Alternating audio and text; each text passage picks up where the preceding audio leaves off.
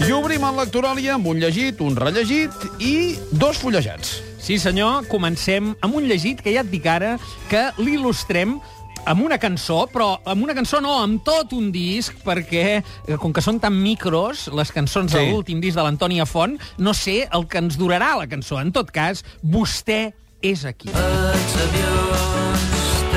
I el que sona és Sol de Taronges. Sí, senyor, així és com comença aquest fantàstic disc amb 40 eh, temes. Tracks, eh, sí. Tracks, diguem. Eh, I mm, l'hem eh, triat, o l'he triat concretament per il·lustrar Provisionalitat de Toni Sala.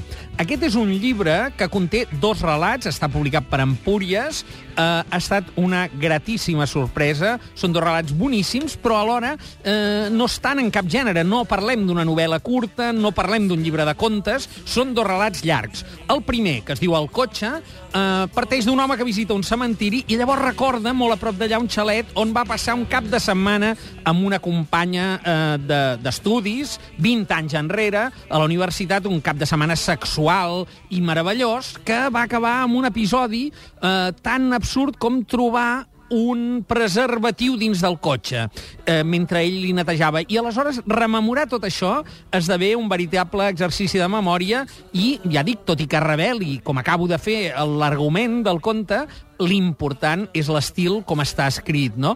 L'altre, el segon, que es diu Provisionalitat i que dona nom a tot el llibre, encara va més enllà, eh, és molt més ambiciós i parteix d'una imatge molt, molt poderosa. Hi ha tota una família que fa una cosa que he de dir, Manel, que jo he fet aquest cap de setmana eh, Què en, dius? en família, que és pujar en un globus. Eh, Concretament, Oh. jo vaig pujar en un globus per damunt de Cardedeu, eh? I per Què tal? Tot, i, fantàstic, és com pujar en un ascensor, és una cosa molt tranquil·la. No, dius, però estic volant? No.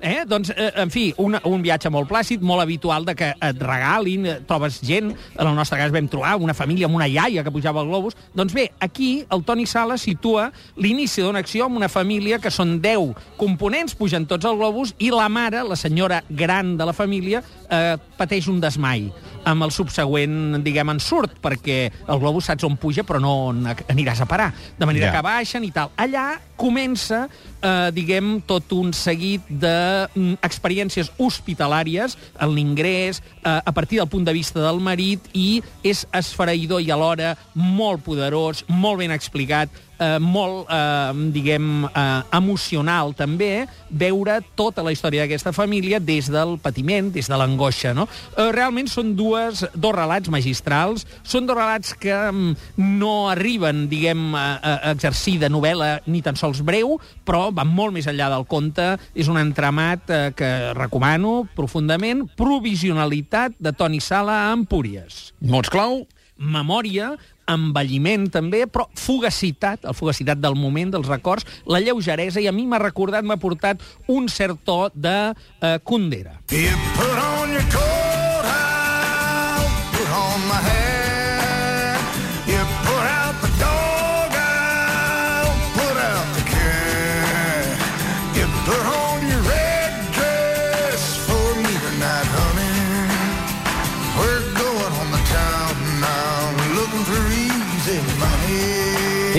Dimoni, de Bruce Springsteen, ens il·lustra el rellegit. Sí, senyor, no he trobat millor manera per il·lustrar un clàssic de la novel·lística catalana, una reedició de La febre d'or de Narcís Uller, amb un pròleg de Josep Maria Domingo, això ho ha editat Cossetània, l'editorial, diguem, de les terres, eh, de les comarques tarragonines, eh, i he de dir, és una reedició compacta, eh, perquè aquesta és una novel·la en tres volums que Narcís Uller va publicar entre 1890 i 1892, i aquí la tenim tota compacta.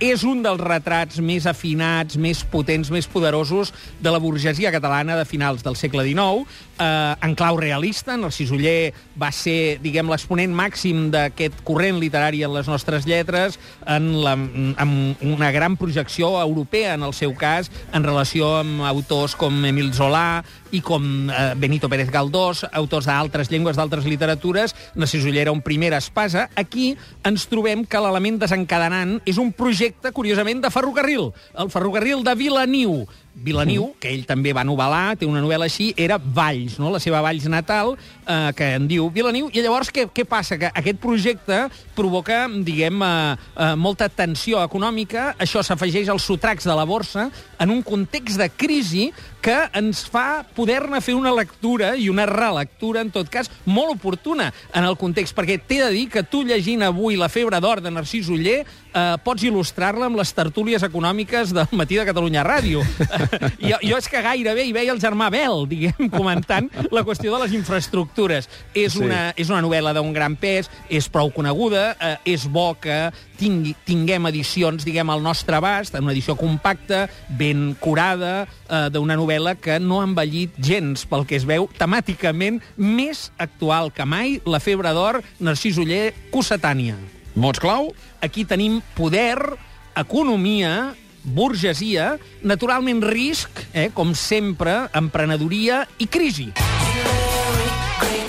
I ara sona Great Literature de Joan Bibiloni. Sí, senyor, aquest, de, diguem, músic mallorquí que també canta en anglès, que és un músic, eh, diguem, de gran projecció internacional, m'ha semblat el més adequat per fer com un capicua. Avui t'he començat amb un llibre molt breu del Toni Sala, aquest Provisionalitat, i acabo amb un altre llibre de Toni Sala que ha sortit en paral·lel, també en Púries, que es diu Notes sobre literatura. En aquest cas, és un llibre més dedicat a la gent que els agradi, als lectors que els agradi reflexionar sobre allò que llegeixen.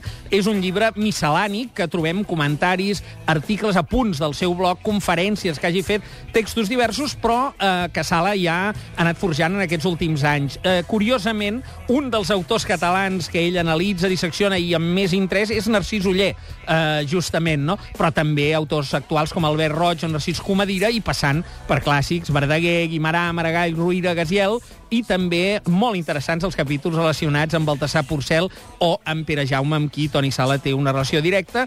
Per als lectors i amants de la literatura, notes sobre literatura, Toni Sala, Empúries. Moltes gràcies, Màrius. A reveure. Que vagi molt bé. Bon cap de setmana. Igualment.